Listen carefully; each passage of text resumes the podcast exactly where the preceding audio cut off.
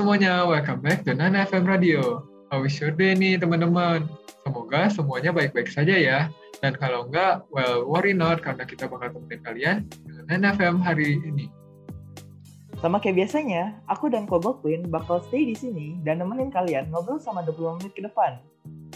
Tapi kayaknya garing banget deh kalau kita cuma berdua. Makanya kita ngundang dua teman kita dari bidang bidang berapa ya? Ada yang tahu nggak nih? Eh, eh, sebelum kau ngomong apa-apa, nanti para pemirsa juga bakalan tahu kok kita bakalan ngundang siapa bidangnya. Nah, yang aku mau bilang nih dari topik hari ini, itu topik yang benar-benar seru dan kita jumpain sehari-hari deh. Wah, apaan tuh? Kok aku jadi penasaran ya? Hmm, ya udah deh, kita nggak perlu lama-lama lagi. Kita langsung aja nih, mulai ke sesi pertama kita hari ini.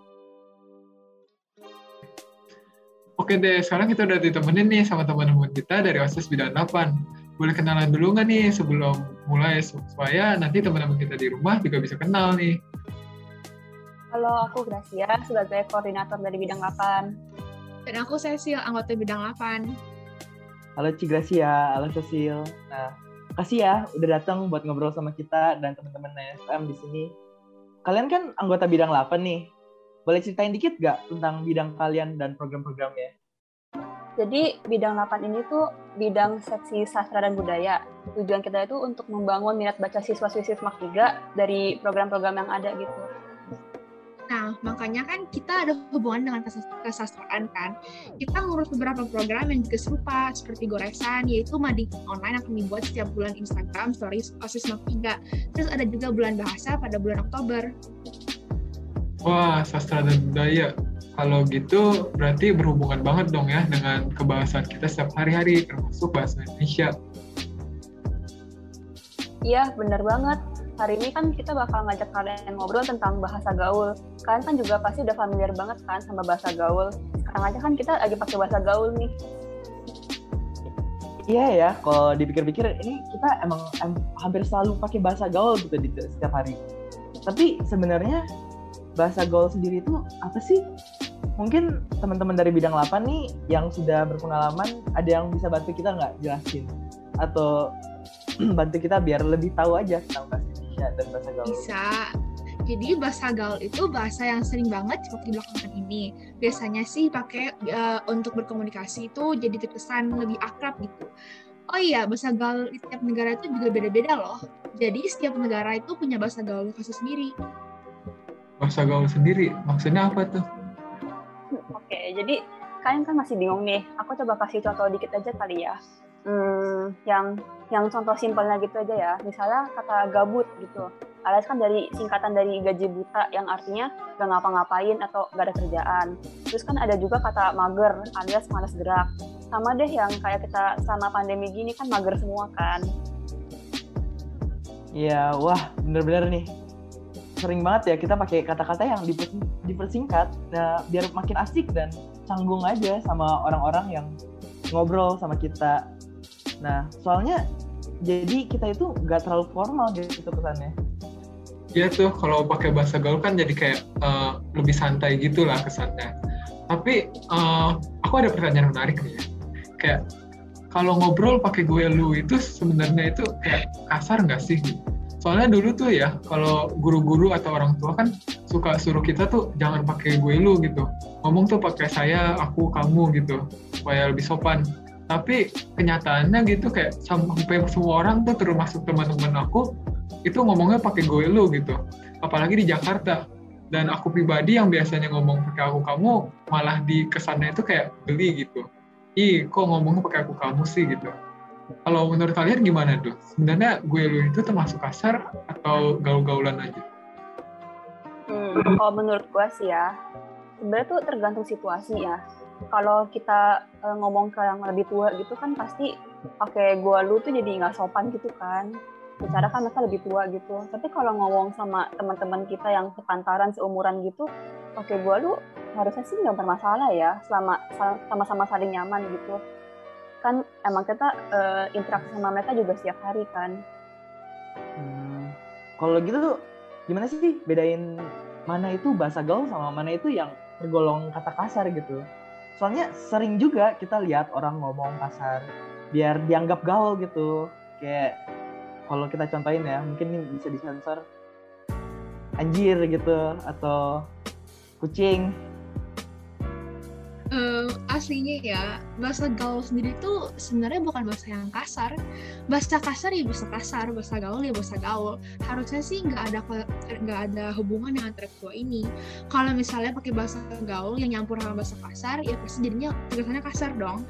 Karena buat bahasa gaul sendiri aja walaupun informal tetap aja ada eh, apa ya ada persetujuan gitu sama antar perorangan Iya, bahasa kasar itu kan kayak dikait-kaitin sama bahasa gaul gitu kan. Misalnya kayak, kayak kata anjir gitu, kan sering banget diselipin ke bahasa sehari-hari sekarang. Jadi terkesan biar ikut-ikutan tren atau keren gitu.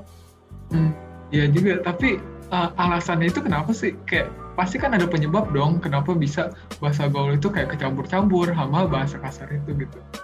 Kayak apa sih yang bisa menyebabkan? Ya kebiasaan pakai kata kasar sih karena ya bisa jadi karena temperamen orangnya gitu dan mereka kan jadi nggak ngehargain orang lain atau ya tadi yang kayak gue udah bilang sebagai tren gitu kan jadi biar masa lebih keren akhirnya ikut teman-temannya gitu jadi pakai kata kasar juga Nah iya, banyak banget remaja sekarang yang pakai kata kasar dan menghina-hina orang lain. Karena pengaruh dari teman-temannya juga, juga ada. Yang eh, bikin kedua hal ini kelihatan kayak hal yang gaul gitu. Bahayanya, hal ini juga bisa berdampak banget buat orang buat orang lain loh. Misalnya, ketika kalian bilang orang itu, itu gendut atau jelek, hinaan kayak gini kan bisa kasih efek negatif ke orang yang eh, kena dong. Orang itu bisa merasa kayak terlalu rendah diri. berarti kita kalau kita itu harus bisa ya lebih aware aja terhadap apa yang keluar dari mulut kita.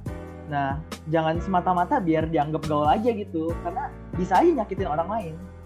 Kalian dari bidang 8 nih, ada tips gak biar kita itu bisa nggak ikut terpengaruh sama uh, bahasa-bahasa yang kasar ini biar tetap gaul. Yang kita anggap gaul itu sebenarnya cuman menyakiti orang lain aja gitu.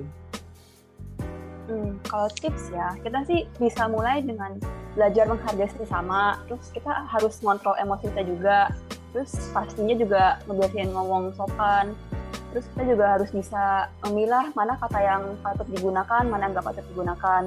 Kita juga eh, harus sadar kalau kata kasar ini tuh bisa nyakitin orang lain beneran. Kan karena kan banyak banget yang merasa dibully atau merasa dijauhin karena teman-teman itu pakai kata kasar buat bercanda doang padahal. Tapi malah dianggap jadi serius gitu kan. Makanya penting banget buat kita tuh buat ngubah pandangan tentang kata kasar yang keren. Jadi kata kasar itu bahasa yang buruk. Ya bener banget sih kalau menurut aku, Uh, terutama yang pergaulan gitu. Pergaulan itu memang mempengaruhi banget sih orang yang di pergaulan kasar pasti ikut-ikutan dong ngomong kasar gitu. Dan ada juga orang yang nggak kasar gitu, tapi uh, kalau masuk ke pergaulan yang kasar jadi tersinggung. Nah iya itu benar-benar benar benar banget itu.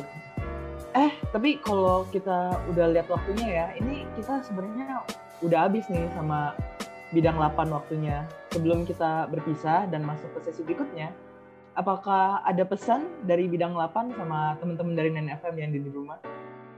dari aku sih teman-teman harus ingat ya berbahasa kasar itu nggak keren sama sekali stop pemikiran bahwa bahasa kasar itu keren Iya, kita juga harus tahu kapan situasi dan kondisi dan waktu yang tepat buat pakai bahasa gaul. Perhatiin juga lawan bicara kita kalau mau pakai bahasa gaul ini. Jadi intinya kita harus pinter-pinter lah situasiin diri sendiri gitu. Oke deh, uh, makasih ya untuk Gracia dan Cecil untuk sharingnya dan juga ngobrol-ngobrol sama kita di hari ini.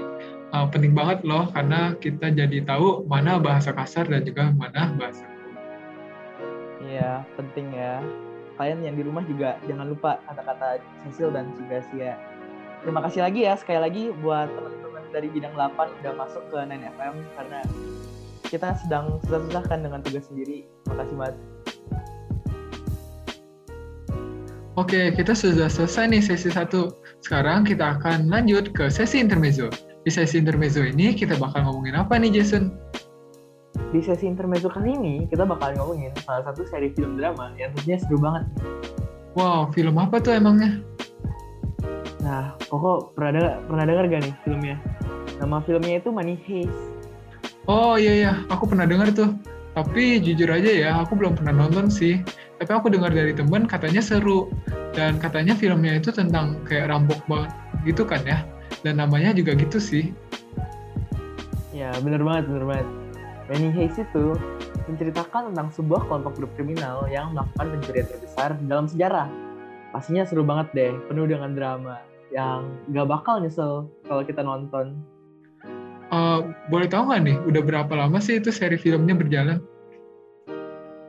Hmm, film ini itu udah berjalan empat setengah season dan nantinya vol um, volume 1 dari season 5 itu bakalan dirilis pada 3 September 2021 dan kalau kita upload ya kayaknya udah udah keluar sih harusnya kalian udah bisa nonton dan nantinya volume 2 akan kita rilis pada 3 Desember 2021 eh udah empat setengah season ya? Panjang juga ya seriesnya. Di season yang akan datang ini kamu dengar dengar nggak? Kayak ada bakal kayak gimana sih? Hmm, ini aku kutip ya dari Alex Pina yaitu creator dari film Money Heist itu sendiri. Nah katanya itu um, kalau season 5 itu bahkan beda sedikit ceritanya ada perubahan dari empat season sebelumnya. Kalian tahu gak? Aduh, aku yang belum pernah nonton aja jadi penasaran banget. Dari plot kasarnya aja udah kedengeran seru banget tuh. Jadi bagi penonton yang mau nonton Money Heist 5 volume 1 udah bisa di Netflix nih. Dan untuk volume 2 bisa ditunggu hingga 3 Desember 2021. Ya teman-teman, pastinya kalian udah gak sabar ya nonton lanjutan dari seri drama ini. Oh iya teman-teman, aku mau sedikit promosi nih. Teman-teman udah follow IG Semak 3 belum nih? Kalau belum, kalian bisa follow IG Semak 3 di @osis-semak3jkt. Di situ kalian bisa lihat banyak sekali konten daily yang kita upload dan banyak program Semak 3 seperti yang sudah dijelaskan di episode 9FM sebelumnya. Ini, ini, teman-teman kalau ada yang belum follow IG kita, jangan lupa ya. Karena banyak banget info-info yang kita tuang dalam Instagram kita ini. Oh ya nih teman-teman, teman-teman bisa nih kirim pesan untuk Bina, NFM, atau teman-teman Semak 3 lewat Kubol dengan link gdpd.xyz slash NFM Semak 3 atau yang ada di deskripsi di bawah. Nantinya kita akan bacakan pesan itu di intermezzo episode selanjutnya. Ya teman-teman, kalau kalian ada sesuatu yang ingin dikasih tahu ke kita atau mau kita bicarakan di episode selanjutnya, kalian boleh isi link itu dan kita bakal bicarain di episode selanjutnya. Nah, kita intermezzo udah selesai nih. Kita langsung aja ya ke sesi berikutnya. Nah, sekarang itu kita udah bareng sama tamu kedua kita, yaitu teman-teman dari bidang 10. Atau lebih kita kenal lagi sebagai B10. Oke, as usual, kita mulai dengan perkenalan dulu nih. Silahkan buat teman-teman bidang 10. Jesslyn Sabas, biasanya dipanggil Jebas. Aku sekarang ada di kelas 12 IPS 2 dan aku menjabat sebagai salah satu anggota OSIS, lebih tepatnya anggota bidang 10. Hai semua, kenalin nama aku Adri Santoso. Biasanya aku dipanggil Audrey dan aku dari kelas 11 IPS 2. Aku juga salah satu anggota bidang 10 kayak Cijabas, tapi aku menangkap sebagai sekretaris. Salam kenal semuanya. Halo Audrey, halo Cijabas. Makasih ya udah datang hari ini coba deh ceritain ke teman-teman di rumah tentang bidang kalian karena kalian itu bisa dipanggil Bitan itu kenapa sih? Bitan itu sebenarnya singkatan dari bidang 10, tapi 10-nya dibaca kayak ten, jadi Bitan deh. Nah, karena kita adalah seksi bidang komunikasi dalam bahasa Inggris, jadi tujuan kita ya buat bikin bahasa Inggris lebih dikenal dan dikuasai oleh seluruh warga sekolah. Wah, berarti bidang kalian ini berperan sangat penting dong ya untuk pemahaman bahasa Inggris siswa semak 3 dan pastinya kalian bakal dibantu sama program-program kalian. Boleh tahu nggak nih program-program kalian ini ada apa aja sih? Kalau kita sendiri lagi ada empat program yang berjalan. Ada e-trend, e-guide, my story, and lastly Morse. Nah, pertama e-trend itu literasi berbahasa Inggris yang bakal update setiap dua minggu sekali dengan mengangkat tema yang berbeda-beda pada setiap edisinya program kita hari ini itu ada e-guide berupa bimbingan vocabulary untuk mengucapkan kata-kata yang sering salah dan penggunaan bahasa-bahasa gaul atau slang dalam berbahasa Inggris. Dua program ini biasa kita update di IG story at osismak 3 JKT. Terus ada juga My English Story yang diupdate setiap dua bulan di akun Instagram OSIS Mak 3 JKT dan tema setiap episode itu beda-beda dengan MC dari anggota Biten dan siswa Smak 3. Gak jarang juga loh kita juga mengundang guest star. Nah, last but not least, ada MORS. MORS itu adalah singkatan dari Morning Service atau kebaktian dalam bahasa Inggris yang biasa kita lakuin satu semester dua kali. Wah, keren banget nih program kalian. Thank you banget loh buat programnya aku juga sering kok baca-baca e-guide sama event terus abis aku baca itu jadi lebih banyak tahu tentang vocabulary gitu sama nih tapi kalau aku tuh paling suka yang My English Story keren aja gitu kalau bisa kayak ada wadah buat teman-teman untuk bercerita dan beropini dalam bahasa Inggris iya kita itu mikir kalau wadah buat berbahasa Inggris itu penting banget karena kayaknya kita nggak bakal bisa gitu lepas dari bahasa Inggris walaupun kita tinggal di Indonesia, tetap aja bahasa Inggris itu bakal tet tetap kepake di mana-mana. Tapi bener juga ya, pasti di mana-mana tuh kita pakai bahasa Inggris. Kayak semua orang tuh pasti udah ngerti gitu. Dan bisa dibilang kayak bahasa universal gitu. Jadi bahasa Inggris itu emang sepenting itu.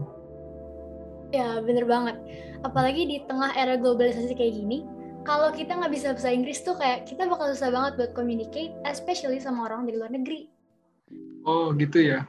Eh, tapi aku mau tanya nih, kayak kenapa sih bahasa Inggris yang jadi bahasa universal? Kenapa nggak kayak bahasa Indonesia atau bahasa lainnya? Kalau based on history sendiri, sebenarnya tuh hal ini dikarenakan dulu kerajaan Inggris melakukan kolonisasi dan menjadi banyak banget negara. Dan bahasanya kan jadi banyak banget untuk digunakan, termasuk sama negara-negara yang dijajahnya. Makanya nggak heran kalau misalnya bahasa Inggris menjadi bahasa yang paling baik digunakan di daerah koloninya. Meski di Asia dan Afrika waktu itu bahasa Inggris masih belum banyak dipakai dalam percakapan sehari-hari, tapi tetap dipakai gitu pas lagi berdagang. Itu deh awalnya kenapa bahasa Inggris bisa dikenal secara luas di dunia dan bahkan jadi bahasa internasional. Ya, dan berasa nggak sih kalau kita nih misalnya kita lagi nyari informasi yang sumbernya dari negara maju. Kebanyakan lengkapnya tuh pakai bahasa Inggris semua. Terus di sosmed juga, pas kita lagi pengen menyuarakan pendapat kita, pokoknya hal sekecil apa pun itu, akan lebih banyak audiens yang bisa kita gapai dengan menggunakan bahasa Inggris. Sekolah ke luar negeri harus ada persyaratan IELTS. Saat interview kerja juga, at least kita harus bisa English basicnya. Wah, bener banget nih teman-teman. Kalau kita perhatiin ya, bahasa Inggris itu banyak banget pergunaannya di kehidupan sehari-hari kita loh. Kita kan sekarang udah tahu nih pentingnya bahasa Inggris apalagi era globalisasi gitu loh. Nah, kita itu sebelum kalau yang belum pernah belajar bahasa Inggris itu dan sekarang itu udah tertarik, kira-kira um, teman-teman dari Bita nih bisa kasih tahu gak ke kita gimana sih untuk belajar bahasa Inggris dan memulai yaitu belajar bahasa Inggris sendiri?